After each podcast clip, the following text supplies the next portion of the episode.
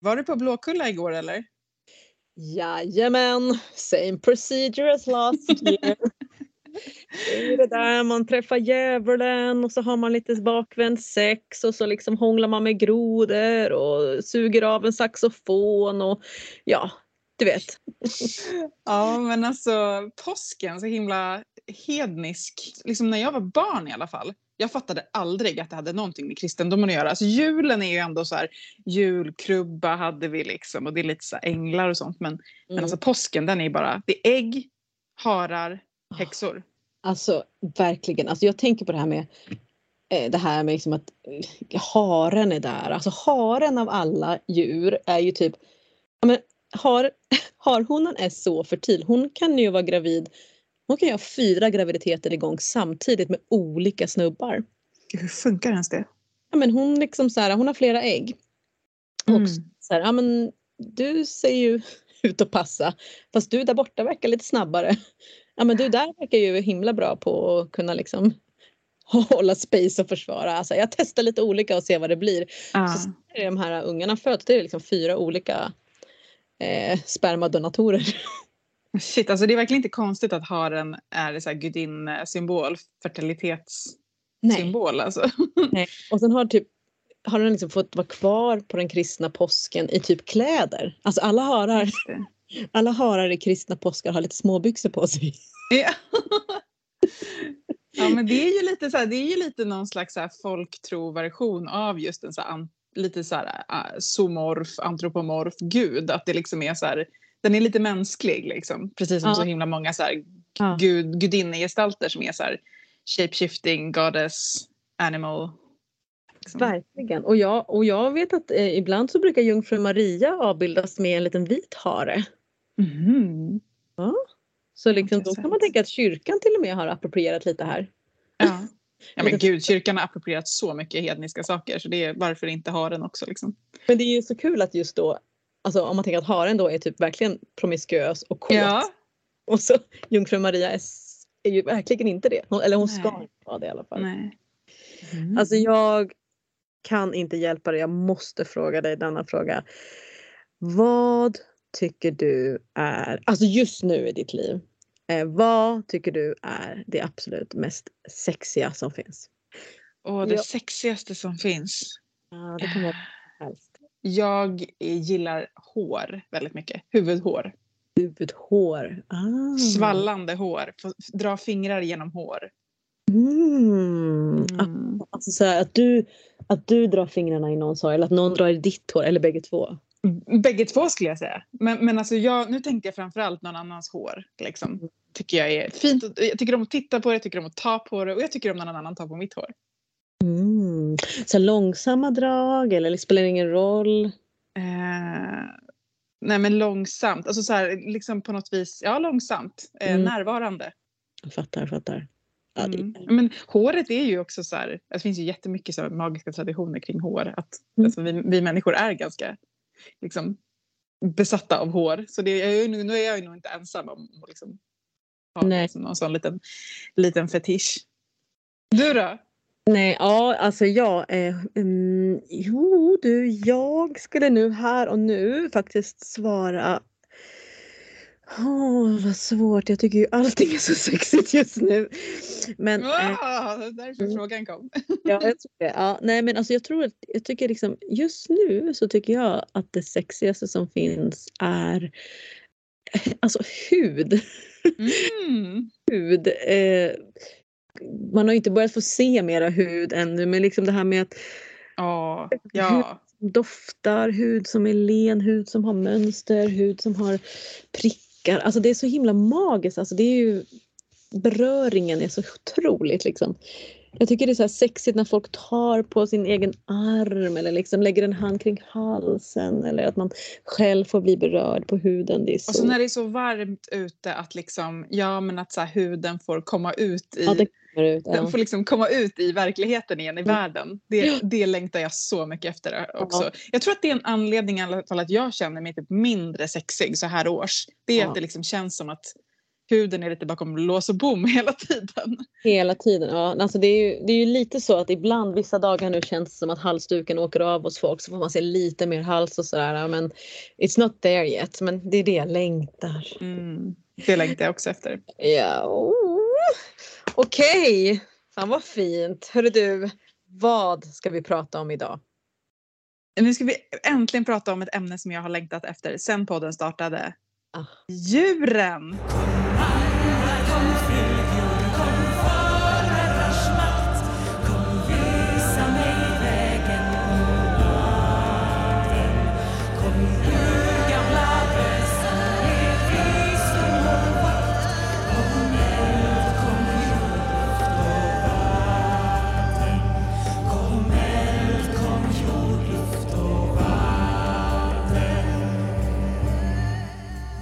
Ja, men jag har ju varit lite så här bara, åh, får jag föreslå det här ämnet? Kommer Ruby gå med på det?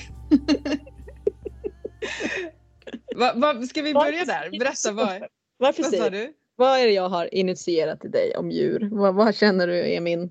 Men jag, känner väl, jag känner väl att det inte är liksom ditt främsta intresseområde. Exakt, exakt. Men, Men berätta, det... vad, vad är liksom, hur känner du om det här ämnet? Alltså jag känner att det här ämnet, jag har känt att det är nu vi förlorar alla våra lyssnare. När jag autentiskt och helt ärligt säger att I don't get it. Ja. Um, jag förstår liksom inte folks intresse med djur. Uh, jag förstår inte djur. jag, alltså tamdjur, det är det. Jag liksom ser inte poängen med husdjur och tamdjur riktigt. Ehm, jag tycker att mina hönor är härliga för att de bor på min tomt och vi typ lever ganska bra tillsammans. De gör sin grej, jag gör min grej. Ehm, jag städar åt dem, ger dem mat och liksom släpper ut dem och så får jag ägg tillbaks. Så det tycker jag är ganska fint. Men jag tänker med mina katter. Alltså vi har en fin och mysig relation. Men de gör ju sin grej. De skiter ju helt i mig och jag skiter ganska mycket. eh, de har ju inte riktigt det här magiska mötet som jag förstår att folk har och att de kan tala med sina djur och de kan känna närhet. Jag tycker typ att djur luktar ganska illa, speciellt hundar. Eh, och liksom har alltså så fysiska problem. Eh, och tycker, alltså, även om jag tillbringade tre månader på en ranch i Texas för att verkligen säga jag ska lära känna häst. Och liksom varje dag mockade, städade, tog ut dem, tog in dem, hängde med dem, red, gjorde grejer. Och jag menar, ja, men jag kommer liksom inte längre. Alltså mm. det är som att that's me. Ja, men måste man det? Jag tänker verkligen inte att man måste det. Jag tycker, det är, jätte, jag tycker det är fantastiskt att du säger allt det här. För att det känns som att det finns sådana normer om så här, vad en häxa ska göra och inte göra. Och vi kommer liksom aldrig... Jag, jag vibar inte alls på samma sätt som du med örter och jag vibar absolut inte med kristaller så mycket. Nej. Och liksom, det är så här skitstort, typ klart häxor ska hålla på med örter och kristaller. Alltså det är liksom, fast varför då? Det finns så himla mycket olika saker man kan hålla på med. Kan vi inte så här, ha våra specialties? Jo, men det ska vi verkligen ha liksom. Men jag tänker ändå så här att Eh, jo, det är klart, man ska ha sina specialties men liksom det, jag är mer förundrad över mitt ointresse. Mm.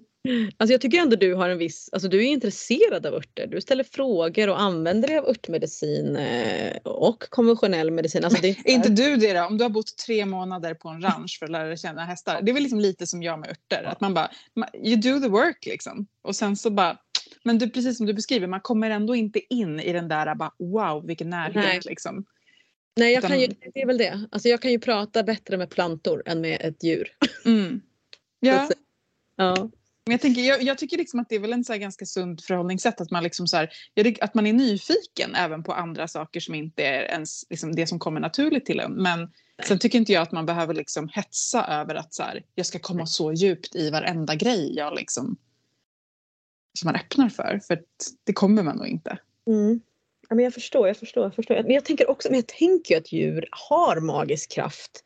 Och mm. jag, jag skulle ju gärna vilja liksom Alltså jag har ju själv jobbat liksom med att kunna typ hitta kraftdjur och guider mm. eh, och känt en styrka i det och så vidare.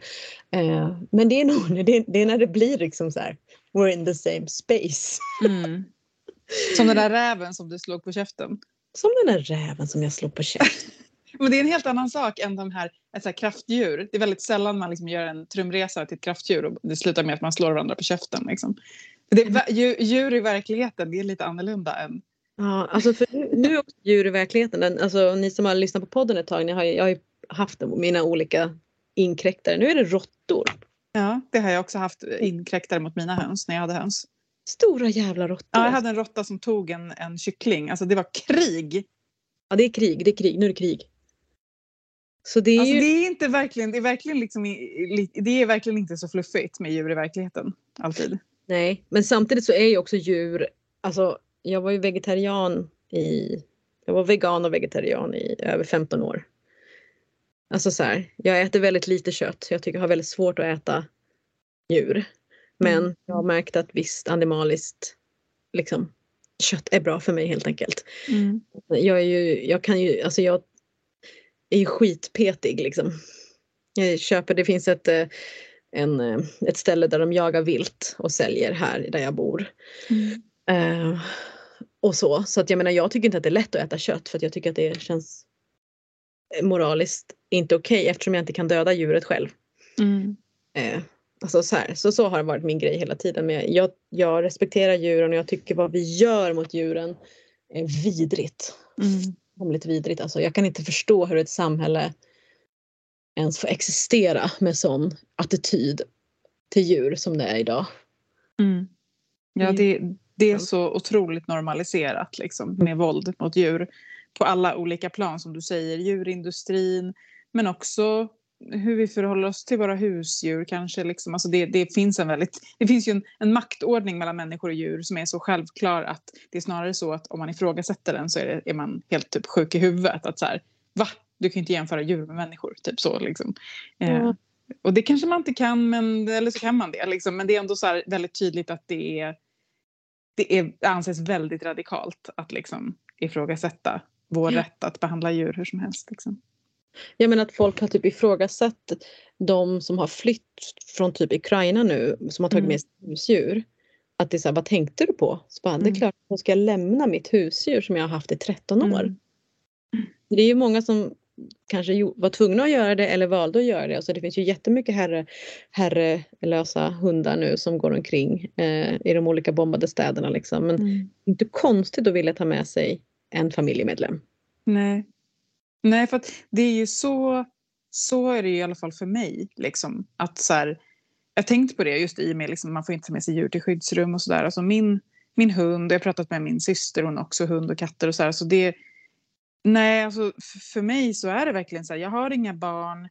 Mina djur har alltid varit typ som mina barn. Jag menar, en hund är ju också typ ungefär som en treåring i så här, intellektuell nivå. Liksom. Mm. Och och det, det, är verkligen känslan, för mig är det som känslan som att hon är mitt barn. Liksom. Jag har den typen av ansvar för henne och helt, helt, helt otänkbart för mig att mm. liksom, lämna henne. Det, nej. Och alla har inte den liksom, synen eller relationen så till sina djur men, men jag kan verkligen relatera till dem som, som flyr och tar med sig djuren. Men det verkar som att det finns typ så här, det är några som har djur för att det är smart och bra att ha djur. Ja, men vi har en katt som tar råttor eller vi mm. har en eller vi har en vakthund och sådär. Men sen är det några som har hund för att de behöver sällskap. Men sen så är det några som har hund som är liksom, alltså det är verkligen en del av dem.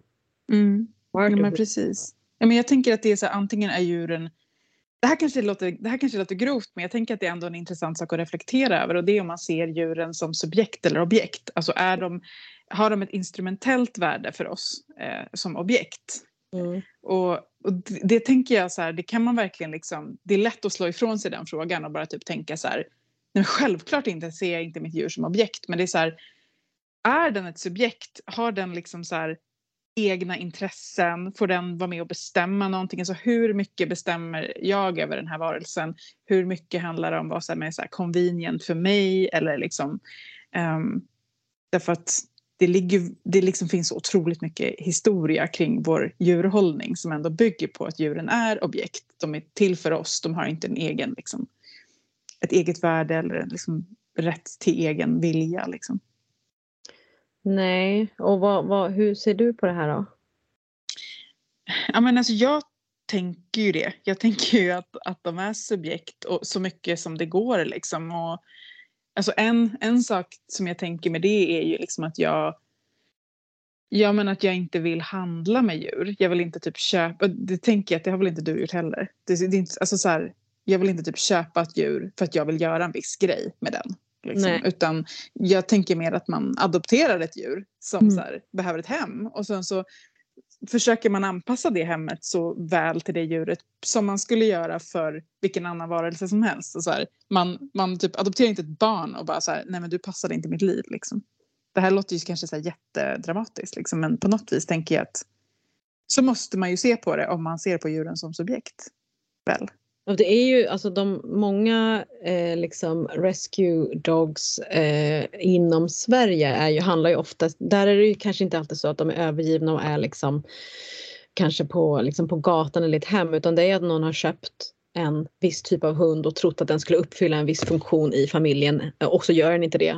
Nej. Och kan de inte ha den eller hunden behövde otroligt mycket mer motion eller mm sådär och så bara nej vi kan inte ha den här hunden i vår familj. Alltså, jag menar, och jag menar liksom inte att shamea någon som måste omplacera sitt djur för att jag menar, ytterst så måste man ju se till den individens liksom, ja. bästa om det bästa är att komma någon annanstans. Självklart ska man göra det men jag tänker att det är som att just, just när, man, när man skaffar ett djur att fundera över så här, för vem gör jag det här? Alltså det är liksom, och, och vad gör jag om den här varelsen inte kan uppfylla de behov som jag har. Men kan jag uppfylla den här varelsens behov? Liksom? Mm. Eh, det är ju frågor att ställa sig. Men, och det måste man ju göra alltså på ett sätt med barn också. Alltså, ja. det, om man lider av ett, ett missbruk eller en psykisk sjukdom eller liksom faktiskt måste man ju fråga sig själv om det är rättvist att jag ska ha mitt barn bara för att det är mitt blod. Mm. Och liksom, speciellt åt andra hållet ska man placera tillbaks ett barn till en biologisk förälder efter fyra år eh, hos en fosterfamilj.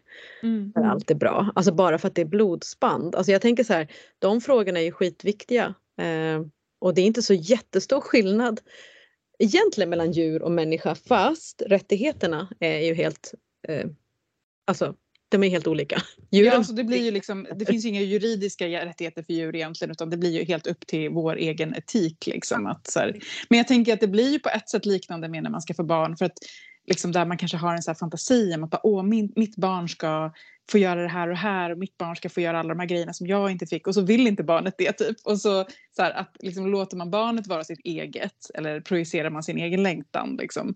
Och ja, det är väl det liksom att vem vi än pratar om, att låta folk vara sin in, egen individ liksom.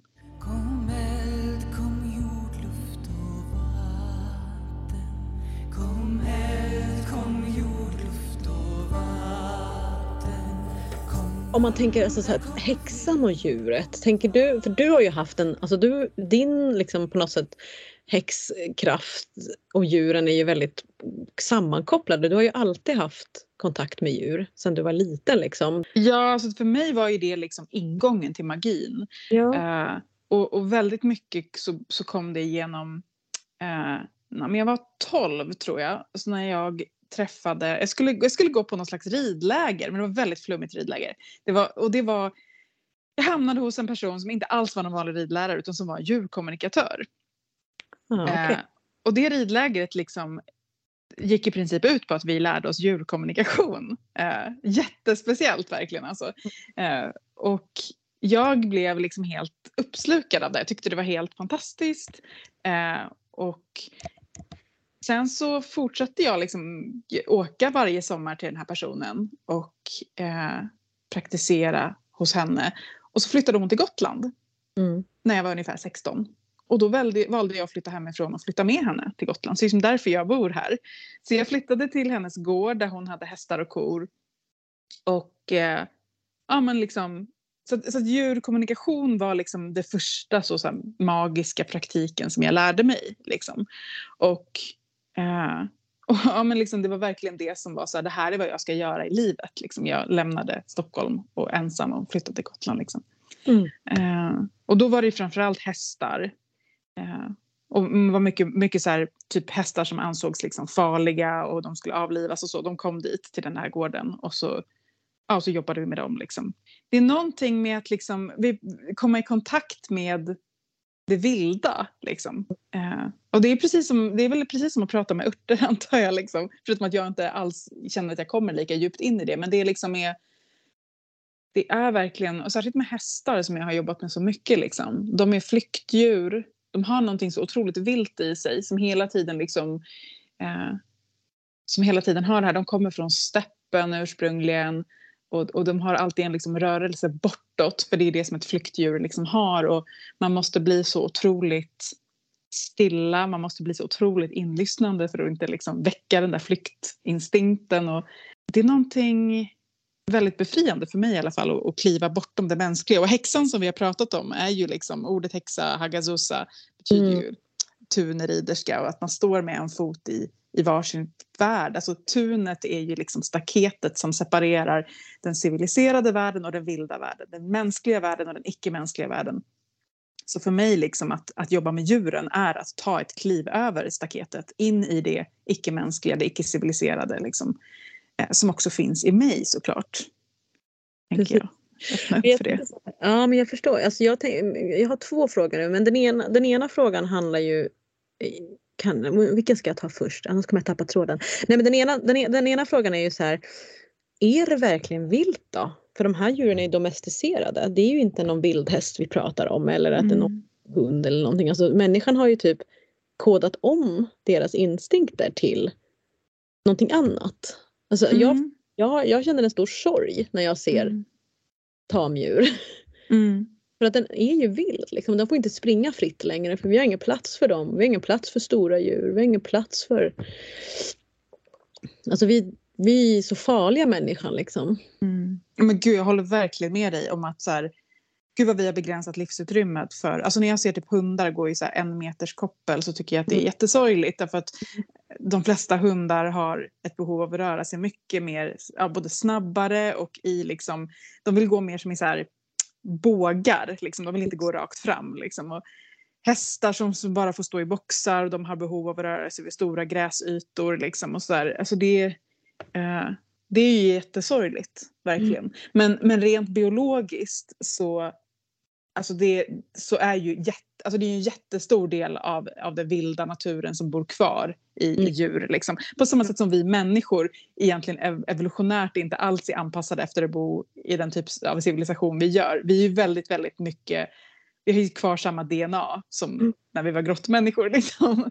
Så att eh, till väldigt stor del så är det ju ändå väldigt mycket samma. Ja, det är ju lika sorgligt kanske att tänka att eh, vi människor har bestämt att vi på något sätt ska ge all vår tid till någon som ger tillbaka eh, pengar till oss som vi sen ska mm. investera på saker. Eh, och så ska vi ge ännu mera tid och sen om vi når en viss ålder så kan vi eventuellt njuta av livets sötma om kroppen håller och om vi fortfarande lever och har vi haft ett bra eh, jobb. Annars så, så har vi ju inte den där tiden att njuta av någon slags pension. Eh, och det är också samma här, sorglighet, liksom att vi har på något sätt så här, eh, tämt det där vilda i oss. Men precis, alltså vi har ju skapat ett samhälle som mm. är mm. som är, är ohälsosamt både för, alltså för oss och för djuren. Men jag tror att det är också det som gör att så här, djuren blir i alla fall för mig ett sätt att, liksom, att ta mig ur det mm. civiliserade. Alltså som, liksom med en häst. Så här, du, jag måste ut i skogen med den. Liksom, jag måste ut i skogen med min hund. Jag måste hitta de här liksom, sätten att ta mig ur. Liksom. Mm. Eh, därför att det är lättare på något vis att, att så här, förtrycka det inom mig själv. Men ja, liksom, djuret ger mig som en väg ut. Liksom. Ja. Jo men det är det ju och sen om du också liksom, om man tar ett häst som är så magnifikt djur eh, eh, och när man då får rida på en häst som kan få bli ens ben som kan ta en mycket snabbare, mycket längre, eh, alltså till platser som man kanske inte skulle ta sig till själv så blir man ju nästan Alltså man blir ju liksom inte ett. Ja, man blir ju ett med djuren om man gör det länge eh, såklart kan jag tänka mig om man har sin egen häst och så vidare. Men när man då överlämnar sig till djurets kraft och kunskap. Mm. Det, är ju väldigt, det är ju väldigt vackert liksom. Men gud vad fint att du säger det. Jag tänker så mycket på, alltså det finns så himla mycket diskurs kring både så hästar och hundar eh, det här med att vi ska vara deras ledare. Alltså jag vet Mm. inte om hu- hur mycket du... Alltså i, i liksom jag som kommer från så här ridskolevärlden, kanske gått på så här brukshundsklubb och så. Det är ju bara, det är ju liksom normen är ju så här. Du måste visa vem som bestämmer, du får Just inte visa att du är rädd, du ska vara ledare. Jo men det Och- Ja, du har hört det också. Och det du säger nu, det här att överlämna sig, det går ju Mm. helt emot det. Och det känns som att så här, gud jag blir så glad för att du säger det. Alltså jag, jag hade en häst som, alltså ett, en häst som har varit en av mina stora läromästare. Hon hette Fröjda och var en gammalt, gammalt sto. Och det hon verkligen lärde mig var verkligen precis det du säger, att överlämna mig. Mm. Hon, hon var så jävla klok. Och hon var så mycket tryggare än mig. Och Mm. det var verkligen, hon, det här är ju typ 20 år sedan, hon fick verkligen mig att lära mig att så här, jag ska inte vara hennes jävla ledare. Det är så här, hon vet mycket bättre än mig. Mm. Så det var liksom, ja men att, att istället bara så här, hon kan få vara min ledare, superbra för mig. Mm. Liksom. Ja, eller hur? För det är också det jag, jag tycker ibland, alltså jag har förstått att man måste liksom jag, jag, alltså jag säger inte att det är sant men jag har sett och förstått liksom att man typ om man ska lära en hund vissa grejer så är det ju många som liksom har en sån här, tar till den här arga rösten. Och liksom markerar det och jag menar jag, alltså jag, om jag använder arga rösten till mina barn då brukar jag säga så här till mina barn. Jag bara okej men nu har ni inte lyssnat på mig. Ehm, det här är tredje gången jag säger till och nästa gång jag säger till då kommer jag ha min arga mammaröst och då vet ni hur ni gör. Eh, och då blir ni ledsna, eller hur? Så att, bättre att ni gör som jag säger. Eh, för jag tycker det är skitjobbigt att ha den där rösten men den behöver jag ha ibland när de inte lyssnar. Alltså jag måste säga det här är inte okej. För att Mm. annars blir det ju liksom laglöst. Men den rösten tycker jag är jobbig och jag har liksom hört när folk liksom får valpar och sådär och måste säga till sådär hårt. Jag vet inte hur du gör med Ivy men, men jag tycker den där rösten är lite jobbig. Men alltså, jag vet inte liksom heller om man resonerar så som du gör så låter det ändå som att man kanske har ett lite äldre barn än typ tre år. Jag vet inte. Men jag tänker att djur har inte den kognitiva förmågan som ett, ett barn på kanske fem sex år har att förstå ens det resonemanget. Så att man kanske måste tänka sig att om man pratar till ett djur då är det att man pratar till ett spädbarn nästan. Liksom. Och så här, kommer man verkligen ha arga rösten då? Liksom? Om man tänker sig ett, en varelse med en väldigt låg kognitiv förmåga. Liksom. Utan jag försöker mer tänka så här, hur kan jag, alltså hur kan, hur kan jag få henne att förstå? Liksom? För att jag tror att oftast så är den där arga rösten mer, mer till för personen själv. Att man blir, blivit frustrerad eller man behöver få ur sig någonting. Liksom, men att, Men man måste den om de inte lyssnar. Alltså så här, om det börjar bli farligt. Liksom. Om, om, om typ, du säger att Ivy rymmer och typ biter tag i en unge. Mm. Mm. Det Men inte- då, då är liksom grejen den att jag eh, det, det, det här är ju inte en lösning för barn men jag har ju koppel på henne så att hon inte kan det. Så istället för arga rösten så är det att jag bara skulle fysiskt hala in henne. Liksom. Alltså, så Jo, här, men det är klart. jo men det är klart. Men vi säger det finns ingen, ingen poäng med att så här, eh, man kan liksom inte rent inlärningsmässigt så kan man inte typ skrämma ett djur till att så här, sluta med någonting. Alltså det som kommer hända då är bara att hon kommer bli mer rädd för mig mm. och så kommer möjligheten att lära saker. Så jag skulle tänka att en sån händelse är så här, det är jag som har gjort fel i sådana fall. Det är jag som har misslyckats med att skydda henne och barnet från en sån situation. Liksom. Men jag tror att väldigt mycket av de här, av de här liksom, som vi kommer in på nu med, med liksom våld och dominans Alltså det kommer väldigt mycket från, alltså dels finns det ju så här Cesar Milan, hundviskaren, alltså sådana väldigt kända liksom, eh, profiler. Men det kommer väldigt mycket från en så teori som heter alfa-teorin. Har du hört talas om det? Att man ska vara så alfahanne liksom, eller alfahona kanske.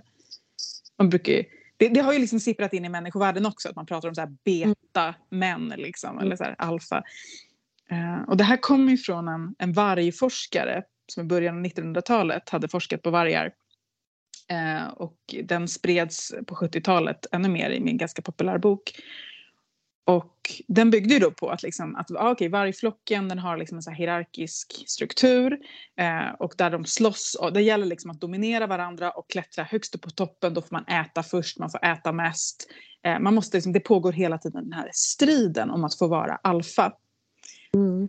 Och det här har ju som sagt det har dominerat både hund, djurvärlden men också det har ju liksom spridits bland människor att vara, du måste vara alfa på arbetsplatsen. Typ och så. Det är bara det att det här visade sig vara totalt fel. Därför att den här teorin den byggde på en flock vargar som studerades i fångenskap. En litet, litet inhägnad. Vargar som inte var släkt, inte kände varandra. Och sen när man då efter 70-talet började studera vargar i frihet så insåg man att så här, de ser inte alls ut så här, konstellationerna. Vargar lever inte i flockar på det sättet, de lever i familjekonstellationer. Med, Mm. Man pratar om en breeding male, breeding female och så deras barn. Det vill säga en familj, mamma, pappa och barn. Liksom. Eh, och det finns ingen alfa utan det finns en mamma och pappa. Så skulle man överföra det här till liksom, eh, till exempel min och Ivys relation så är inte jag hennes ledare utan jag är hennes mamma. Ja. Eh, så, så faktiskt han som skrev den här boken på 70-talet, han har själv gått ut och försökt stoppa publiceringen av sin egen bok. För att han bara så här, Glädjande.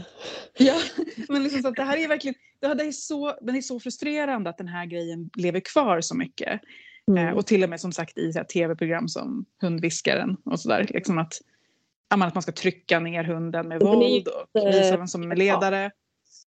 Vad sa du? Det är ju väldigt patriarkalt. Alltså det här med Ja. alfa mail och liksom eh, ja den här sättet. Alltså det är ju också någonting att eh, ja, alltså om man inte är allra bäst, allra farligast, allra störst, allra vildast och så så kommer någon trycka ner dig liksom. Ja, där- jag tänker att det är därför den lever kvar. Därför att den passar så himla bra i ett patriarkat. Den kan också förklara liksom, människors relationer till varandra. Jag fattar. För att, alltså, jag jag eh, säger ju till mina barn på skarpen när de liksom, eh, ja, alltså, typ om de inte lyssnar när de gör någonting farligt för sig själva. Då är det ju ofta för att jag Mm. blev rädd. Mm. Jag bara, du, gå inte ut i trafiken, vad gör du? Liksom så här. Och så säger jag ofta sen att shit, eh, förlåt men alltså jag, jag blir, alltså det är ju som att man måste säga, man, man vill ju vara så snabb med att liksom stoppa barnet. Ja. Men samtidigt också så markera att aha! Och liksom, eh, och den, den rösten kommer ju, den är ju inte så planerad. Alltså Men det kom- hände, jag kommer på, senaste gången det hände mig var att jag såg att Ivy stod och nosade på en orm. Ja. Och kopplet var liksom lite för slappt i min hand. Jag, jag insåg att jag Ja. kommer inte hinna veva in det tillräckligt snabbt. Så jag bara nej! Ja, exakt. Ja, Men, det, det- är inte som att det, det är inte en inlärningssituation. Det är ju liksom bara en nödsituation. Liksom. Ja, men det är ju en nödsituation. Liksom. Nej, men jag, tycker ju väl, jag, jag, tycker väldigt, jag gillar att ha den här kommunikationen och jag tänker så att det här, eh, även för ganska små barn, att de kan förstå. Eh, och liksom så här, men sen så såklart, they evolve liksom. De blir ju äldre än tre år, eh, många barn liksom. Och eh, då pratar man ju på ett annat sätt såklart. Men det låter ju som att eh, du pratar väldigt mycket om ty, alltså så supertydlig hela tiden.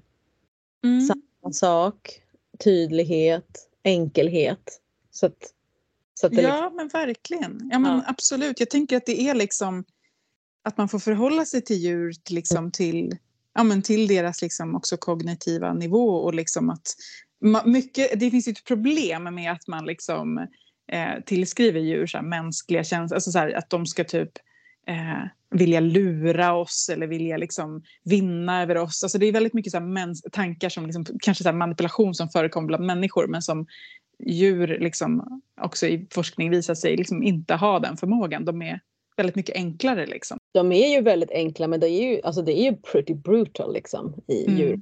Alltså det är ju, alltså jag brukar kolla på djurprogram med barnen och typ har de så här moderna djurprogram eh, program är ju så här, de gömmer kameror liksom så att de har filmat under lång tid och sådär. det är ganska brutalt liksom i, i, eh, i alltså så här, nu senast kollade vi på savannen liksom. Det är ganska Mm. brutalt. Alltså, så här, skärper du dig inte och passar du inte in i flocken, har du fått barn med, fle, med fel eh, eh, hane, ja men då får du vara själv liksom. Eh, och så får du se om du kommer tillbaka till flocken igen. Eh, alltså det gällde både lejon och jaguarer och apa. Alltså jättefina grejer också, så här, apor som adopterar eh, barn som har mist sina föräldrar men då eh, får den kanske inte komma med. I, alltså det var så här otroligt brutalt och väldigt liksom enkelt. Alltså Alltså det, är så, ja, men det är verkligen, jag, jag märker det så himla mycket också för att Ivy, min hund, är ju besatt av om det finns någonting dött eller på väg att dö Ja. ute. Så Just. hittar hon det liksom. Mm. Eh, alltså varje promenad så hittar vi liksom ett lik. Och Ja. så att liksom döden i djurriket blir väldigt påtagligt för mig också och det har ju hänt mig det var inte så länge sedan liksom som det hände mig att hon hittade en kanin med myxomatos. Det är en sån här kaninsjukdom som finns på Gotland. Det kanske finns på andra ställen också. Men där ögonen på kaninerna blir helt så igen tjorvade tills kaninen dör. Liksom. Mm. Eh, så hon hittade en sån kanin och jag bara, ah, vad fan ska jag göra liksom? Det är så här, jag kan inte lämna den så här liksom. Nej. Så jag var tvungen att slå ihjäl den.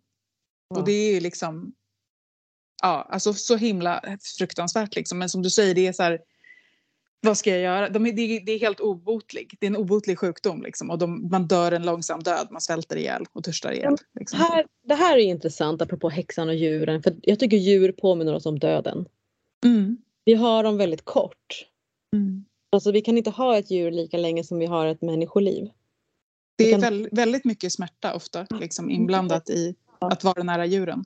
Jättemycket smärta. Alltså jag tänker nu, jag, jag, jag, känner nu att jag pratar om det här att ingen kommer tro på vad jag sa i introt att jag inte tycker om djur. Jag, Nej, jag, jag, tror ju knappt på det själv. Jag tror, bara att, det är, alltså jag tror att vi har såna identiteter som vi klamrar oss fast vid lite grann. Ja men verkligen. Nej men alltså jag tänker så här på eh, hönorna. Eh, nu senast så tog gräven fem stycken liksom. Mm, eh, och sen kom höken och tog en till. Eh, och, då, och, då, och då känner jag så ja men det är ju konstant att leva med döden och ha de här hönsen liksom och kämpa mot råttor och allt möjligt och sådär. Eh, och jag är inte så himla, eh, jag är inte så här, alltså så här, jag är inte så fäst vid dem att jag så här, liksom åh nu dog den här och det här men det är väldigt jobbigt varenda gång och nu sist liksom när, när en eh, eh, av tupparna liksom tog strid mot en hök och offrade sig. Kändes ju väldigt fint att vi kunde ta honom och liksom, eh, ja, vi nackade honom, vi gjorde ordning honom, tog av alla fjädrar och nu ligger han i våran frys och vi ska tillaga honom. Eh, och äta upp honom. Mm. För annars ska vi, liksom lägga, vad ska, vi, ska vi slänga den här kroppen som har offrat sig för hela flocken i sopkorgen? Mm. Alltså vi äter ju djur här, inte mycket men lite så här, och det, jag tyckte det var skitläskigt. Jag bara, ska jag så här, jag var tvungen att googla vad jag skulle göra. Hur jag, mm. alltså, men det kändes helt rätt. Att stå där och liksom förbereda den här döda kroppen som offrade sig. Och sen visst vi skulle kunna skänka den till någon och så vidare men jag bara så här, nej men nu ska jag lära mig hur jag gör. Från liv till död. Och Alltså jag ja, men det är det jag tänker, att liksom, ska man leva nära... Det var, så jag kände med den här liksom, ja, kaninen då också. Att så här, alltså man, kan inte, man kan inte göra naturen till en så här romantiserad, så här främ, liksom fjärran... Eh, ja, men någonting att bara liksom drömma om. Alltså den, är, när, den, den är fysisk. Liksom. Alltså varje, kaninen är inte bara en symbol, men som vi pratade om där i introt, liksom, det är en gudinnesymbol. Och så här. Men kaninen är också en verklig varelse med, som lider, som känner känslor och nu går jag här med en, och ser en verklig kanin som lider. Alltså då måste jag ju också göra någonting. Ja. Alltså, om jag ska vara en riktig häxa. Liksom. Det kan inte bara vara att man så här, sitter och liksom, pratar om kaninen som symbol. Nej. Nej, jag tror inte det. Jag tror att man behöver, alltså det, det, det är jobbigt men gotta like meet it somehow. Alltså så här, och, och, även om man, eh, alltså det är oavsett om man väljer att äta köttet eller inte utan man behöver liksom kunna göra det. Alltså jag tror det, det är viktigt liksom för att om ingen annan gör det, då gör ingen det. Alltså jag tror det är väldigt få som gör det. Så man behöver, och jag, alltså jag tror aldrig jag hade vågat göra det om inte jag hade flyttat till landet och få vara med djur. Mm. Annars hade jag, bara gått... ja, jag, jag minns mycket väl det, jag har också haft höns. Det var ju det stora problemet. Jag, jag är inte alls så tuff som du. Så att, eh, jag, det, det, där ställdes jag inför massa gånger. Jag hade två tuppar som höll på att slå ihjäl varandra och de kom ut och de bara var helt blodiga. Jag bara, vad gör jag nu? Och så var jag tvungen att ringa en kompis som var tvungen att komma och hjälpa mig. Alltså, det känns ju också så här... Nej, jag fixar det inte liksom. Jag var inte själv. Alltså gud, nej. Jag bor ju med en person som är läkare som är liksom var ja. den coola, eh, lugna personen i det hela. alltså så här, eh, shout out.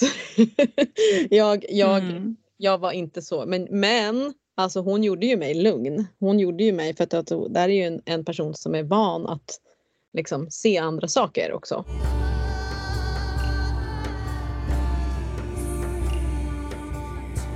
Och nu har vi pratat ganska mycket om det fysiska mötet med djuret och liksom mm häxan och djuren. Och jag tänker också det, det som jag ville fråga dig förut när du pratade om tunriderska och det, det här med att liksom när man sitter där med då ena foten i den vilda världen och sen den, eh, den, den vanliga världen och väljer att resa med djuret.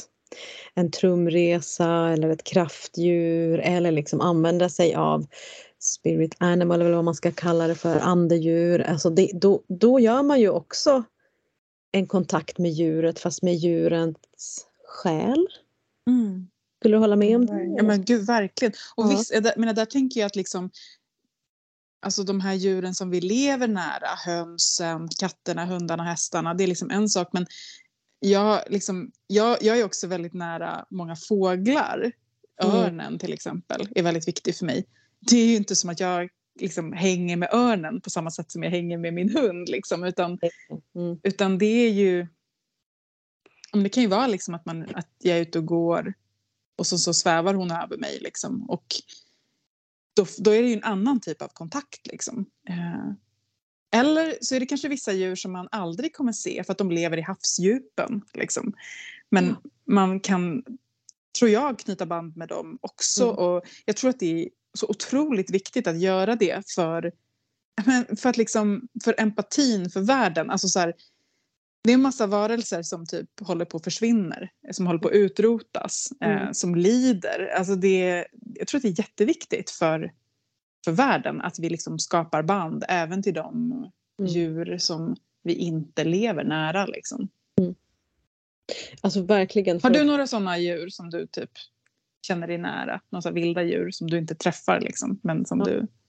Absolut. Eh, puman. Mm. Varför då? Berätta. Alltså det här är väldigt, eh, det här är en lång historia. Den här puman har jag sett i mina drömmar sen, alltså jag vet inte. Ja, ja jag vet inte. Typ 12-15 år sedan kanske.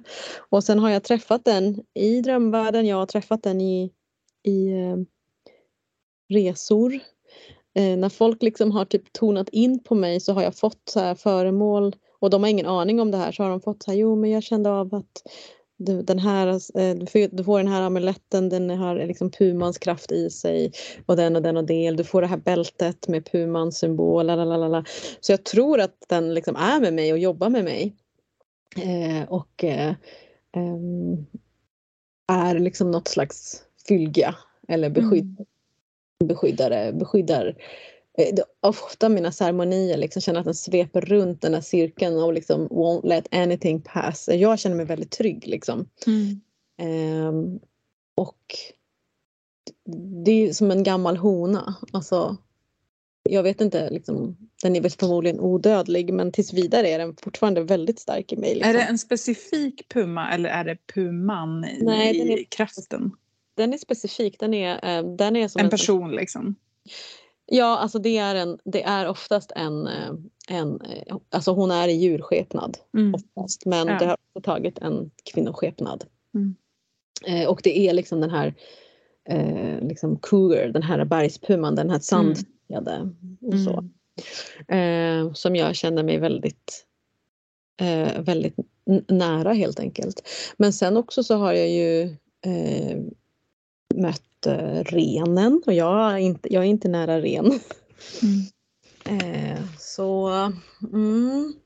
Jag tänker att det kan vara, alltså det kan vara så himla betydelsefullt liksom för att jag tänker att de djuren som inte är nära oss fysiskt de kan ju också öppna upp världar för oss mm. och kanske förståelse, empati för de biotoperna, för de människorna som bor där ja. eh, och liksom visa oss andra saker eh, och liksom lära oss empati för andra saker än bara det som är i vår omedelbara närhet. Liksom.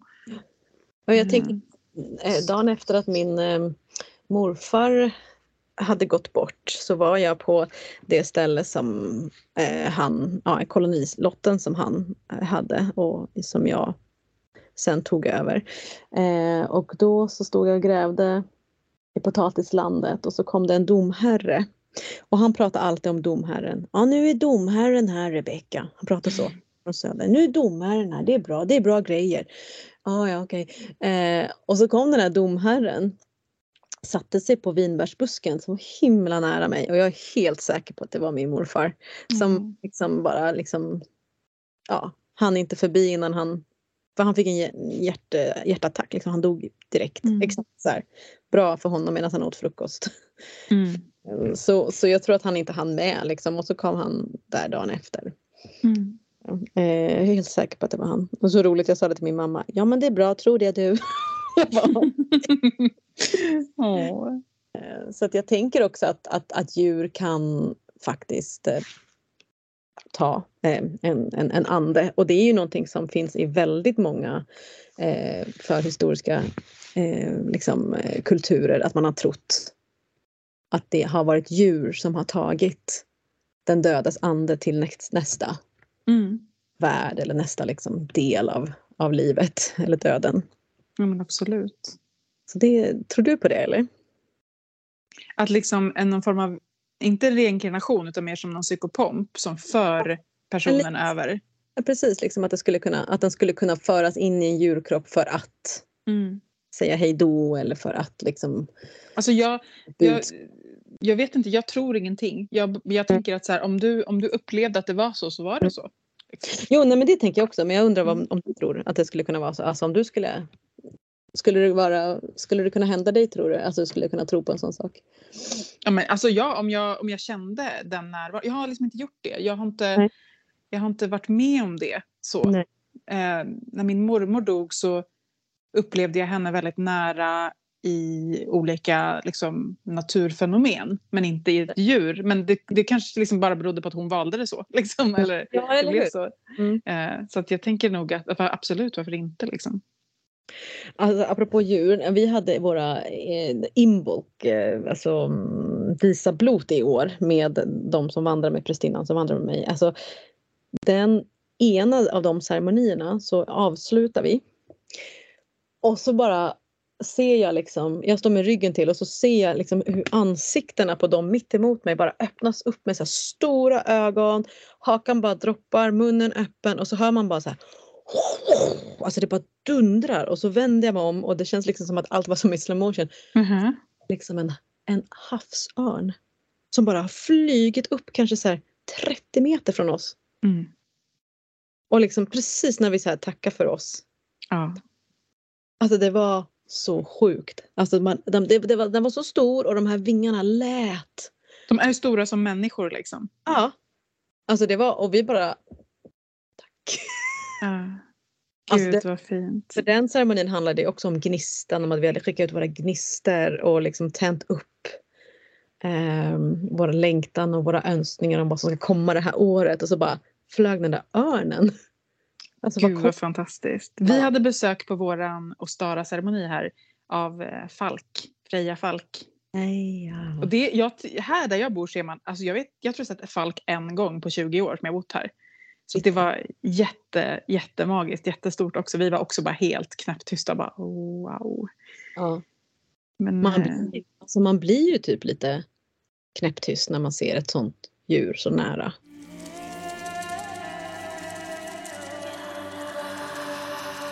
En sak som jag tycker att man kan göra om man lyssnar på det här avsnittet alltså är ju också att lära känna de vilda djur som bor omkring en. Eh, alltså så här, att liksom också typ kanske lära sig deras namn. Liksom, och så här, vad, det är inte bara fåglar, det är inte bara kråkor, utan det är så här, ja men vilka är de liksom? Ja. Och vad, typ, hur lever de? Och eh, vad, liksom, hur rör de sig? Hur förhåller de sig till människor? Hur kan jag röra mig runt dem för att inte skrämma dem? Alltså så här, ja men liksom, eh, det kanske, ja men så djur som man annars, de bara finns där liksom. Ja. De är Alltså- också magiska. Att lära känna djuren där man bor handlar ju också om att bli mindre, eh, liksom, mindre rädd kanske. Ja. Eh, och eh, men För- mindre alienerad liksom. ja, exakt, att bli ett med de som bor där. För det tycker jag, jag bor ju väldigt nära vildsvin och blev väldigt Ja. rädd först i början och bara "Ah, ska vi dela skog, vad gör jag om ett vildsvin kommer? Men jag har ju förstått att Ja, då visst, de kan vara farliga om de känner sig attackerade, precis som vem som helst. Men annars så går det ganska bra att dela space. De Mm. kommer inte om jag är där med en eld liksom. Mm. Men du, jag tänkte på en sak. Alltså, det finns ju vissa djur som verkligen har blivit sammankopplade med då den här sagohäxan. Mm. Eh, inte med liksom de som blev anklagade för att vara häxor utan sagohäxan. Mm. Alltså vi har katten. Men katten har också blivit sammankopplad med de som blev anklagade. Ja, Vill jag flika in. För att jag Mm. läste det nu här. Eh, eh, jag, pluggar, jag pluggar djurpsykologi just nu. Eh, Just det, och, just det. och så handlar det lite om så här djurens historia. På Linköpings universitet handlar om djurens historia också. Så läste jag att katter har alltså blivit förföljda i Europa. Alltså det har varit liksom eh, ja, men typ häxprocesser mot katter också. Ja. Därför att de har varit så förknippade med häxor. Det är faktiskt sant för häx, katten har ju faktiskt varit eh, djävulens eh, Mm. Det är faktiskt det. Jag, jag, ja, jag läste, lyssnade på ett barnprogram där det var liksom, eh, ja, men där man då det var 1300-talet i Frankrike där man då hade liksom förföljt x antal katter och dödat dem och anklagat dem för att ha samröre med Satan. Svarta katter. Just det, i den här, i den här Witchfinder General, det finns en sån häxjaktsbok. På omslaget av den eh, så är det ju också en bild på massa av häxans familjörer. Det här får vi, vi får lägga upp det här på, i gruppen eller på Ja. pa- Patreon. Vet du vilken bild jag menar? Nej, nej, nej, nej. Okej, jag ska dela det här. Det är liksom en sån, åh, vill, det är en sån gammal, gammalt liksom etsning eller någonting. Så är det liksom häxans alla familjörer. Det är någon padda, det är katt och så, så har de skrivit små namn på alla. Och katten heter Vinegar Tom. Alltså gud, ja, lägg upp Ja. den. Ja, jag ska lägga upp den. Ja. Och, och liksom, så att, så att, jag menar, det visar ju också på hur, hur centralt det var i att liksom visa. Hur vet man att någon är en häxa? Jo, hon har djurfamiljörer. Men det är det här jag menar, alltså, det här är ju någon som har lagt på det här. Alltså någon har ju bestämt att det är katten, paddan, spindeln. Ja, ja men så precis. vidare. Jag tänkte liksom att de då som mördades Ja, nej precis. som vi nämnde i förra avsnittet, de behövde inte alltid ha haft en katt. Eh, eller, utan det här är ju väldigt liksom då, ja, exakt som de inte hade någonting att göra andra heller. Nej, nej, nej, precis. De flesta var bara helt vanliga människor. Som, de hade väl säkert en katt, för alla hade en katt. Men... Ja, och då tänker jag så här, paddan, spindeln, katten.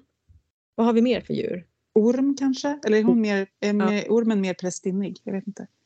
Ormen kan vara mer pestinne men det är ju mycket sådär i sagor att de gjorde en soppa på ormskinn. Precis. Fladdermus kanske också. Fladdermus, Mask, dagmask. Ja. Men det är mycket de här, det är mycket, nu känns det som att vi räknar upp lite så mycket nattvarelser. Katten är ju en nattvarelse, fladdermusen.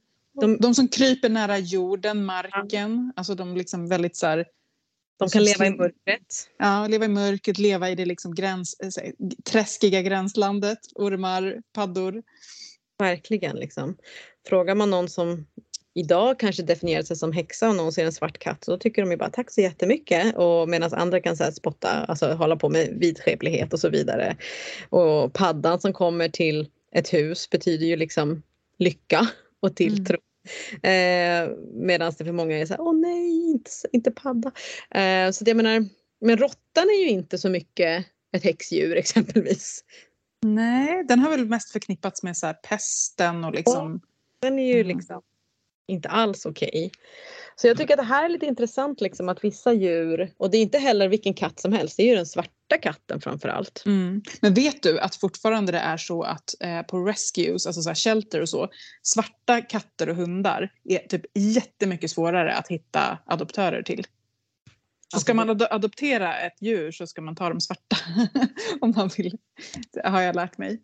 Eh, Ja, men det, är ingen, det är fortfarande, fortfarande väldigt mycket vidskeplighet kring dem. Väldigt mycket liksom. Eh, väldigt mycket vidskeplighet kan man ju tänka sig. Alltså. Ja, nej, men jag tänker att det är väl alltså så här, och de är ju också så här lite eh, kanske djur som precis som häxan de missförstår, där man har bara lagt på lite saker som passar bra. Mm. Den där är, den där är lite äcklig. Mm. Men också, alltså jag tänker också att det är en del djur som är så väldigt annorlunda oss. Mm. Alltså som är så här, ormen den har liksom inga armar och ben. Fladdermusen, alltså det är så här, vad är det ens? Är det en fågel? Är det en mus? Mm. Liksom att, att det så, alltså, vi skräms ju också av det som är other, liksom, det som är olikt oss. Och det ligger ju väldigt mycket liksom, i så här, mycket förtrycksnatur att liksom, förtrycka det som är annorlunda än själv. Liksom. Men alltså jag tänkte på, det kan ju också vara så att eh, man tänkte väl att häxan kunde vara en shapeshifter också. Alltså alla de här djuren finns ju också i, som så här gudinnedjur.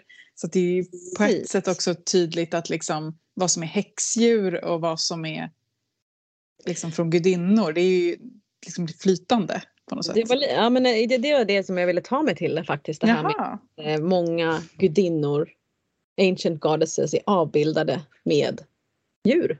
Mm. eller är djur liksom. Typ i hindu, alltså i hinduistiska gudinne och gudtraditionen så har ju alla de gudarna har ju en bahanas, alltså ett djur. Mm.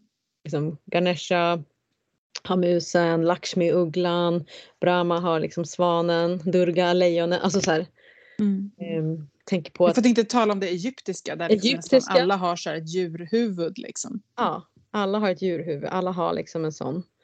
Eh, det, jag tänker att det verkligen är liksom eh, och många, alltså det, många djur eh, finns avbildade liksom. Athena, ugglan. Och Freja pratar vi om redan. Freja shapeshiftar ja. ju till falk. Ja, eh, alltså det är ju, Oden har Sleipner, han shapeshiftar ju också.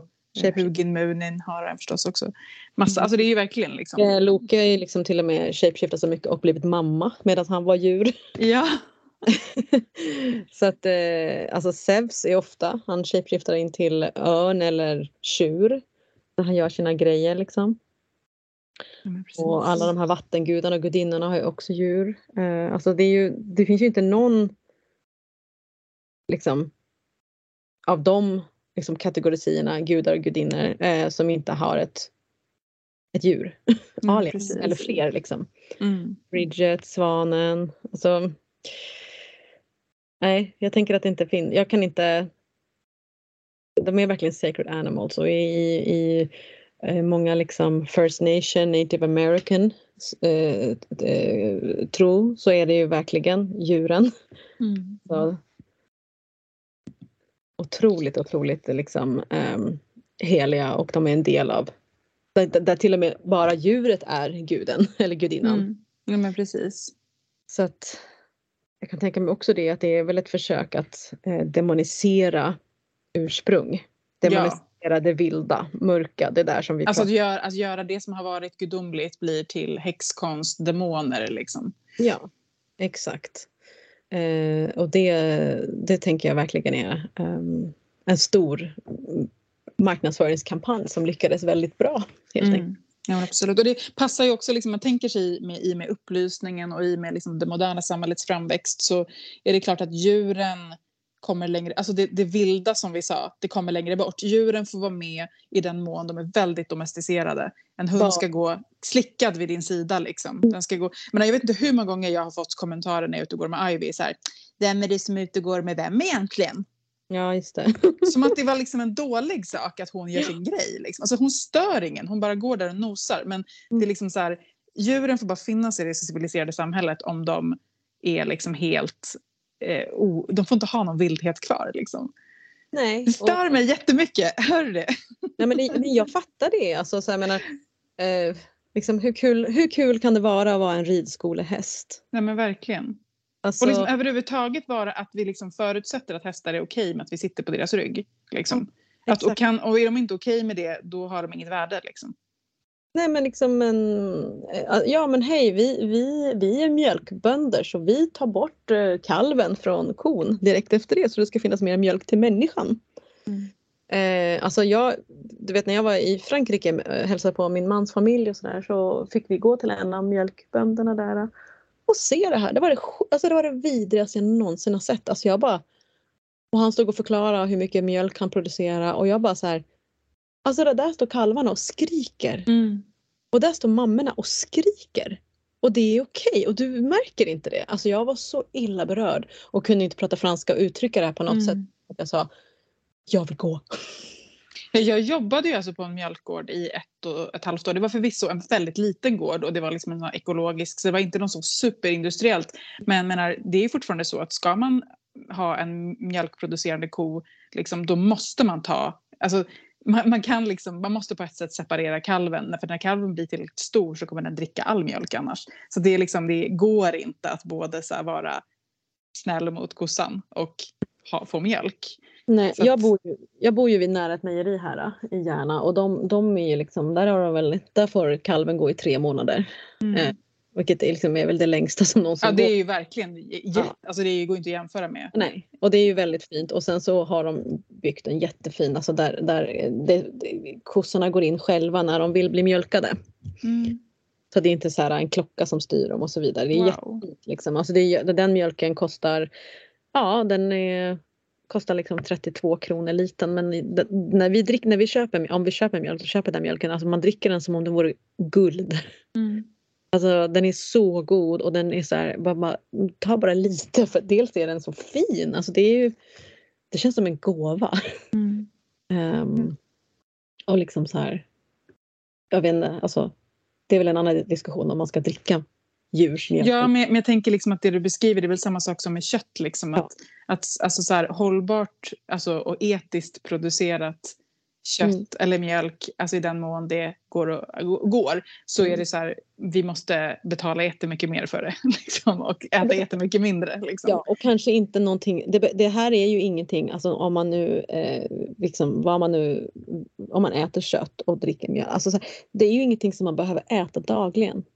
Alltså det kan man verkligen äta någon gång i månaden och lyxa till med i så fall. Mm. Alltså så här, om man nu känner att det behövs i kroppen och så vidare. Det är liksom så här, eh, den sjuka mängd kött som äts i ett modernt mm. samhälle och då är ju ändå Sverige ett av de länder som har min mindre köttkonsumtion än många andra länder.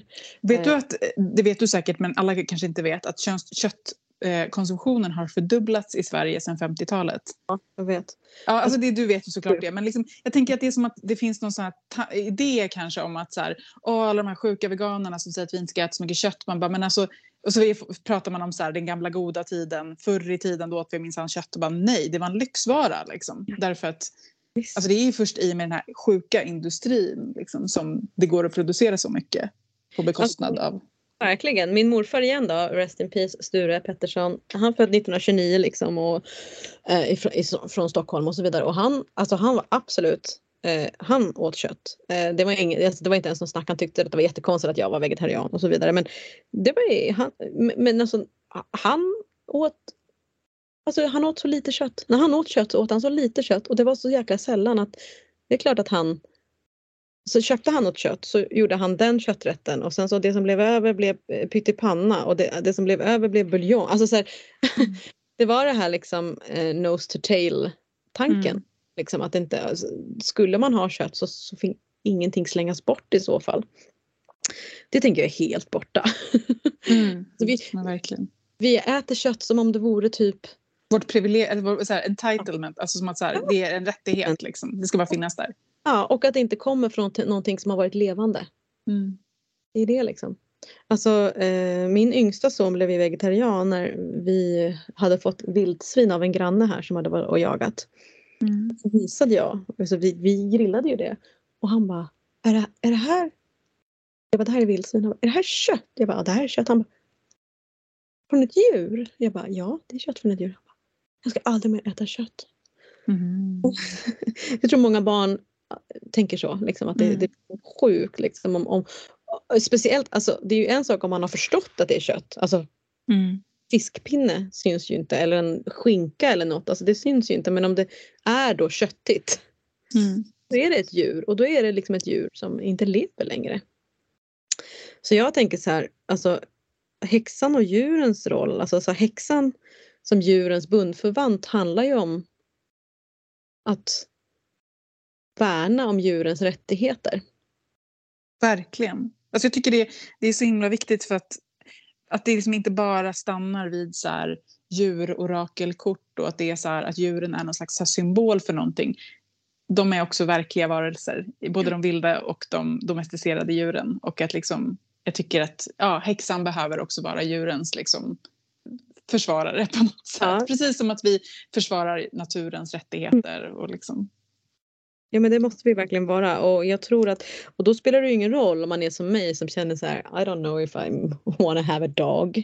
Mm. Eh, eller liksom så här men man måste se över kanske hur man har, vilket förhållande har man till djur, sitt eget eller andra djur. Mm. Vad gör man för djuren? Hur äter man djur om man nu äter djur eller dricker djurens mjölk? Alltså hur, hur tar man sig an mejeriprodukter, köttprodukter? Alltså vad, mm. vad, för att det är inte som en grönsak. Och så tänker jag också att om man typ till exempel äh, jobbar med djur på ett mer så här andligt symboliskt plan, om man drar liksom ett orakelkort eller man känner att man möter ett djur, så tänker jag att man också kan så här, eh, kanske ta det till en till nivå som är att liksom så här researcha det djuret. Så här, ja, men, Vad, var, vad är det djurets biotoper? Vad behöver det, den, det djuret för att kunna liksom thrive? Alltså så, här, så, att, så, att, man också sätter lite mer kött och blod på det. Så att det liksom inte bara blir en, ja, en mm. symbol och en idé utan också liksom engagera sig lite i det djurets verklighet. Ja. Och precis också. Och jag, och jag tänker, rekommenderar också så här, typ så här, ladda hem appar med fågelljud eller liksom ja. eller kanske en bok. Liksom så här, det är väldigt spännande att förstå vilka spår det är. Och mm. du, du har ju lärt dig några sångfåglars ljud och sådär. Det är ju jättefint liksom. Mm. Att man det blir en helt annan kontakt. Man får så här, man, man liksom bara, åh, där är du liksom. Vi känner varandra. Mm. Ja, det, det är häftigt. Ja, jag, jag, tycker det. Det, är jätte, det hjälper en jätte, jättemycket. Liksom. Mm. Men du, mm. jag tycker inte alls att, jag tycker verkligen att det är som du sa, att det känns som att, att eh, du har inte alls varit så bara, djur i det här avsnittet. Nej, alltså jag, nej men verkligen inte. Men det är väl det här liksom med att jag eh, kanske inte, eh, jag har ingen längtan till att ha ett tamt djur hemma. Liksom. Men, men det stämmer inte heller Eldin för att Alltså, jag gillar ju de här hönorna och de är ju mer eller mindre, de är ju lite, de är ju knäppa liksom. Alltså, de är, mm. Jag vet inte ens vad de är, om de är tama eller vilda. De är så, du vet, man bara öppnar upp och så, man bara, men här är dörren. Alltså, det, dörren är på samma ställe som den alltid har varit. Nej, nej, då går ut åt helt fel håll. Alltså, de är ju väldigt underhållande och roliga. Mm. Jag känner för dem. Och nu, nu var jag nere och hälsade på en granne som hade massa babygetter. Gud, jag dör! Alltså jag dog och så tänkte jag åh jag vill ha en get och sen så började de härja. Alltså de var så jävla kaxiga och bara höll på att äta upp kaninmat och började så här, hålla på och stångas och buffas. Och så här. Jag bara okej okay, det är ganska mycket ansvar om man vill ha en get liksom, som rymmer hela tiden och så vidare. Mm. Men de är mm. väldigt... Alltså gud vad fint, tänk att få lära känna en get. Oh, alltså, gud, man... kan du, du måste berätta om du gör det så vill jag. Jag känner, jag, jag känner verkligen ingen get men de verkar vara Jättehäftiga. Jag är väldigt sugen på alltså Jag har ju fått hålla en gång en liten getbaby som var typ bara någon dag. Det luktade som ett människobarn. Du sa ju just att djur luktade äckligt. Ja, men inte getbebisen. Alltså jag ska säga, den godaste doften i hela världen, i min mm. värld. Jag vet att många där ute som har hund håller med mig. Hundtassar, vet du vad de luktar som? Nej. Popcorn. Ooh. Alla som har en hund, går och luktar på deras tassar. Alltså det är så här, att ligga och sniffa på de där tassarna, det luktar varma popcorn. Det är liksom, ah oh, gud, det är det godaste doften som finns. Sniffa lite på, jag måste sniffa lite på hundtass, det ska jag göra. Ja. Sen katterna, alltså jag har ju två katter de är ju för roliga och där, där ställer jag frågan så här. Kan man verkligen tämja en katt? Alltså Vet du att katter räknas inte som riktigt domesticerade? Nej, jag, jag kan, nej, de kan inte vara det. Alltså jag tror de, de är, they take what they want, they do what they want. Eh, och de, jag känner att jag är liksom med i kattens liv på kattens villkor hela tiden. Men jag, en sak som jag har tänkt om med det med katter det är att eh, jag har mer och mer börjat behandla min hund som mm. jag behandlar min katt. Ah. Och det är otroligt eh, bra, ska jag säga. Därför att, ja, därför att liksom, eh, jag, istället, alltså bara för att man kan använda tvång, det kan man med hundar för de är så jävla liksom, de vill bara vara till lags. Ja. Men bara för att man kan använda tvång så måste man inte det. Liksom. Utan man kan be dem på samma sätt som man kan be katter. Och då känns det som att man får en så himla mycket mindre, mycket, en, en relation som är mycket mer fri från våld och dominans. Liksom. Men alltså du måste bli djurpsykolog Eldin nu. Alltså jag, tänk, ja, tycker att du, du har jobbat som lärare jättelänge. Det är okej okay att göra någonting annat. Alltså du säger så bra, kloka saker. Nu nu tycker jag du ska fråga dig själv om det inte är dags att byta karriär. Ja, men alltså du, jag, tro mig, den tanken har slagit mig och jag kommer antagligen göra det. Men eh, jag försöker att så här, nu har jag skrivit klart en bok. Nu ska jag inte kasta mig in i nästa sak. nu, ska jag, nu går jag den här utbildningen och så ser vi vart det leder. Men jag, eh, Ja, ja, jag går ju helt klart i de tankarna. För mig. De kommer ju till dig där du bor, ditt hus i skogen och så kommer ja. de. Du behöver inte röra dig. Okay? Du ja. behöver inte lämna den där ön. Du kan vara där. Folk kommer till dig. Alltså this is, this is I see it in the crystal. Mm.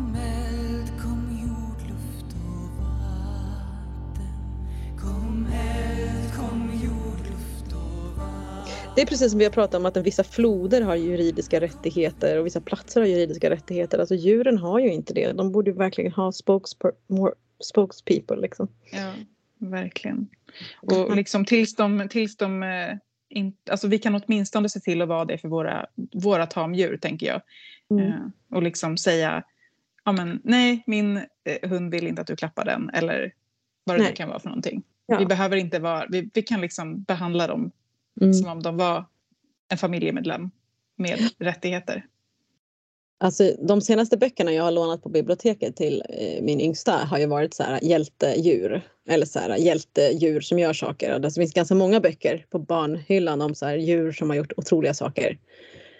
Räddat folk och liksom eh, varit så där helt otroliga eh, på att utföra vissa, ja men typ hjältedåd kan man säga. Mm.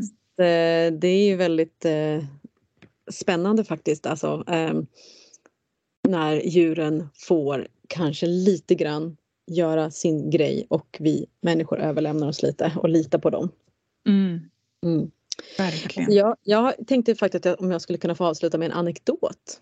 Ja, Får jag göra det? Det här, ja. är nämligen så, det här är min kompis eh, i Bretagne som vars älskade, älskade katt, 20-åriga Mia, eh, försvann från hemmet.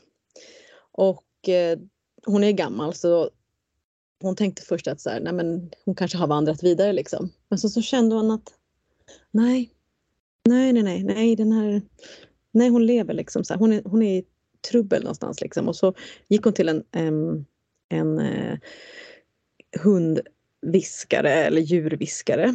Eh, och den här personen bara, ja jag kan se att hon är i en skog nära vatten. Och hon bara, eh, jag bor i Bretagne, det är bara vatten runt hela mig. Liksom. Speciellt där jag bor, liksom, bara vatten. Så bara, fuck that, liksom. Och så bara blev hon sur och nedstämd. Och sen så kom hon på att hon hade en kompis som var häxa. Hon bara, jag ringer min häxkompis. Så ringer hon ehm, eh, och det är så kul också, på franska heter du sorcière. Mm. Eh, men hon ringde sin kompis. Och hennes kompis sa så här, ah, okej din katt. Ja men jag skulle föreslå att du gör så här. Sätt dig på hennes favoritplats i huset eller utan, utanför huset. Och sen så bara blunda. Och sen så tänker du att från ditt hjärta så öppnar du upp eh, ditt hjärta och så låter du bara en gyllene tråd gå rakt ut, rakt ut hela vägen fram till din katt. Och så satte hon sig på trappan och så gjorde hon den här meditationen, skickade ut den här gyllene tråden från sitt hjärta för att hitta Mia. Efter fem minuter kom katten. Mhm, Gud vad fint. Eller hur? Alltså Mm. du, jag kommer att tänka nu på, jag måste också berätta, jag har en liknande historia. Ja. Min katt eh, sprang bort, var borta jättelänge. Mm. Och så var jag ute och promenerade med Korpmor som vi har eh, haft med i, som gäst i en, ett, ett avsnitt. Och så går vi, promenerar vi och så sitter en stor, stor lurvig katt uppflugen på en på någon liksom hö- höjd bredvid oss där vi går. Och Marga säger, Åh, du, du var med en fin katt. Och jag säger, ja, vi brukar kalla honom för kung katt för att det känns som att han styr här i området. Mm. Och så gick eh, Marga, korpmor, fram till kung katt och säger, du, och så börjar hon prata med honom så här, kan du, kan du se till att Didi kommer hem? Kan du leta upp honom, hitta, få honom att hitta hem? Och så hoppar kung katt iväg och dagen efter så kommer min katt hem. Nej, Mm. säg det. Det var Häx, också en, en annan häxvariant, men ja. häxan och djuren. Völvans spådom. Från dåtid till nutid till framtid. Vi älskar och tackar er Patreons från djupet av våra hjärtan. Tack, tack, tack. Puss, puss, puss. Ni är otroliga. Så en av de saker som vi gör för att hylla er, det är ju att varje vecka så drar vi en utav er som blir föremål för völvans spådom. Låt völvan tala. tala. Den här spådomen är till Sofia Rosenqvist. Tack Sofia för att du är vår Patreon. Tack Sofia, tack så jättemycket. Ja, när jag satt med ditt namn så kom det massor av blommor och växter och bara så här. Ja, det bara spirade och liksom helt fullt av växtkraft och så här, grönska. Och det kom ett namn till mig Anteia. Mm. An- Mm. Vet du vem Anteia är? Mm, mm. Absolut inte. Yes! Får jag berätta? Anteia är eh, en gudinna som... Eh, ja, men är, hennes namn betyder blomma. Oh. Eh, och hon är en gudinna som... Hennes symboler är guldfärgade föremål. Till exempel honung och myrra. Mm, mm, mm. Alltså det är så göttigt allt med henne. Och, eh, hon, hon, fick, hon, hon är, liksom, är också gudinna över kärlek. Och hon har ibland kopplats ihop med Afrodite på Kreta. Hon har dyrkats på Kreta. Dit jag vet att du ska åka, Ruby. Men det är det jag menar. Åh, du får kolla upp det här närmare. Sofia, jag ska kolla upp allt när jag åker dit. Ja, Mm. och eh, Anteia är alltså en av de grekiska graserna. Alltså det är ju de här, en grupp av gudinnor som kallas för graser. Alltså som så här, Ja. typ behagen kall- kan man kan översätta det till på svenska. Liksom. Precis som att det finns här, eh, ja men det finns eh, fater, alltså de som är liksom ödesgudinnor så finns det också graser. Det är gudinnor över massa olika så behagfulla saker. Eh, det finns, alltså ofta så brukar, de, brukar man säga att de är tre, men det finns också exempel där de är många fler. Och några exempel på andra graser är till exempel Damia som är jordmoder. Oexia som är vårväxt. Mm. Paregoros, tröst. Och Euthymia, good mood. Bra Mm. eh, sinnesstämning. Alltså då, jag känner verkligen att man borde lära känna de här graserna lite mer. Och det är också coolt för att eh, i, i, liksom, i grekisk mytologi så är de ganska så här, nej, de, de går mest runt där och är så här, lite vid sidan av. De typ, eh, porträtteras ofta som att de typ passar upp på gudarna. Och så kollar man upp dem lite närmare och då visar det sig att de är för grekiska. Alltså de, är, de är mycket äldre än alla de andra grekiska gudarna. Och de har haft en helt egen kult. Alltså de har inte alls bara varit upppassare utan de har varit helt egna. Liksom. Och det kan man ju fatta när man tänker att så här, de är liksom gudinnor över själva växtligheten, över allt som är gott typ i världen. Och just Anteia, hon är liksom... Eh, alltså hon är gudinna över allt som växer. Och framförallt med så här våren. Och blommor och trädgårdar. Men också träsk och våtmarker. Alltså så här, verkligen liksom inte lika bara så här vackra ställen. Eh, men allt som liksom växer. Och, ja, men alltså det jag fick till mig, eh, Sofia, det var ju verkligen bara helt enkelt så här att ut och upplev allt som bara växer och spirar och även i de områden som kanske inte är så traditionellt vackra. Mm. Och att uppleva det också i sig själv. Allting som växer och spirar. Också i dina inre träskmarker. Oh my god, alltså det här är riktigt luscious Sofia. Så, för graserna de hängde ju också tillsammans med musorna. Just det, det är en till sån där kategori gudinnor liksom, som Ja. är, känns lite i bakgrunden. Liksom, som att de är det till för någon annan liksom, än sig själva. Precis. Och just det här att det är så här skönhet, lycka, fest. Det är liksom Afrodite, Eros, Bacchus. Alltså det är väldigt liksom njam, njam, njam. Mm. Väldigt kreativt också tänker jag. Ja men precis. Alltså, åh, vad sa du att hon hette nu igen? Säg det igen. Det namnet An, du... Anteia med TH. Anteia. Anteia, wow alltså. Ja okej Sofia, jag känner bara så här, alltså jag känner när du, jag tänker också så att jag, jag, jag känner att det finns ett, något slags så här, ehm, ett flödande här. Att liksom bara också våga kliva in i att kanske faktiskt vara i skönhet. Att vara i glädje, att vara i visdom, charm. Alltså så att, att kunna stå i de här positiva egenskaperna. Mm. Att så här, vet du vad, jag tillåter mig själv att äga eh, min egen skönhet. Även om det bara är för en timme. Om det är jobbigt. Eller liksom Mm. så här, jag ska, eh, vill bara vara i den här kroppen som jag väljer att tycka om i en timme om det är så att det är väldigt jobbigt. Jag vet ingenting om dig Sofia så att jag säger ju inte att det är så men jag tänker det här att våga välja de här grasernas egenskaper som är luscious. Mm. Det tycker jag är, det är ganska svårt, eller hur? Ja men verkligen. Alltså, och det är ju den tiden vi kommer in i nu också att liksom embrace eh, självkärlek och acceptans och så, då är kanske graserna riktigt fina.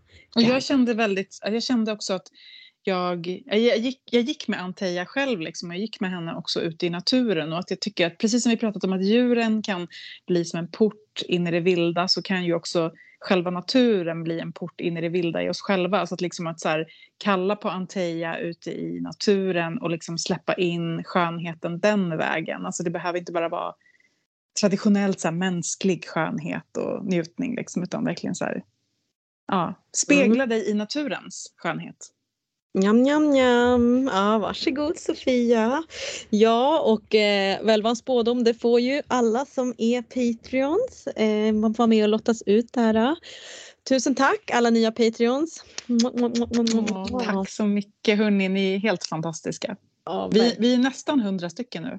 ja, vi är nästan hundra stycken som väljer att stötta poddis. Helt otroligt. Ja, riktigt fint. Eh, vi har ett litet erbjudande till Patreon eh, och det är nämligen så att ni kanske vet eh, vem det är redan om ni befinner er på sociala medier så är det ju så att det har öppnat upp en ny Witchy shop i svensk regi. Nämligen Ockult shop. Och det är Ida som ligger eh, bakom Ockult Shop. Eh, hon har även eh, kontot Skogshaggan och hon har också en systerpodcast. Ja, Oväsen, Mm. som också är en häxig podd. Ja, precis. Och så att, eh, är det så här va, att man är lite sugen på att kolla in vad som finns där, massa hem... Alltså det är ju liksom, Ida gör ju de här sakerna, Må- många av sakerna gör hon själv liksom. Det finns, eh, och allting är väldigt noga utvalt. Och eh, nu om man kliver in där och eh, helt enkelt beställer någonting i hennes shop så finns det ett litet lösenord på Patreon och så då får man också en eh, megafin eh, pdf med Idas egna tarotläggningar för att kontakta förmödrar och hennes egna böner för att kontakta förmödrarna att jobba med. Det är verkligen så hands-on information. Alltså, Made- Ida är ju verkligen en sån, liksom, alltså det är ju hennes specialområde att jobba med för, för föräldrarna. Liksom. Ja. Så att det tänker jag att det är helt rätt person att få den här infon från. Det är liksom hennes specialty. Det är verkligen hennes specialty liksom. Och vi tycker också att eh, hon kanske ska öppna typ en häxig sminkskola. Oh my god, har du också fått sminkråd från henne? Nej men jag brukar titta på hennes sminkningar och bara Nej, alltså jag har så skrivit till henne, innan vi ens typ kände varandra, vi kände ju varandra bara online, men innan jag ens kände henne, jag, bara, jag måste fråga, jag bara, vad har du för ögonskugga? Sen, har vi, sen hade vi värsta superlånga tråden och sen har jag gått och köpt dem. ja. Nej, men så, Fast jag lyckas inte ändå göra det lika snyggt som henne. så i- Ida, tack så mycket för Ockult Shop. Vi, och vi, vi här på Förberedelsemakt önskar en liten sminkavdelning också om det är okej. Men det finns, jag vet att det, Oväsen har i alla fall ett avsnitt om typ Glamour. glamour, glamour magic. Precis. Ja, typ, jättefint. ja, men liksom hur man kan använda smink i magi. Så det kan man ju lyssna på. Jag älskar glamourmagi. Det är min favorit. Det är typ den magin som jag gör ganska ofta. Ja, ja men absolut. Ja, men då så. Tack så jättemycket för fan mig Eldin. Och ja, tack det- själv. glad påsk. Yes, du med. Kram!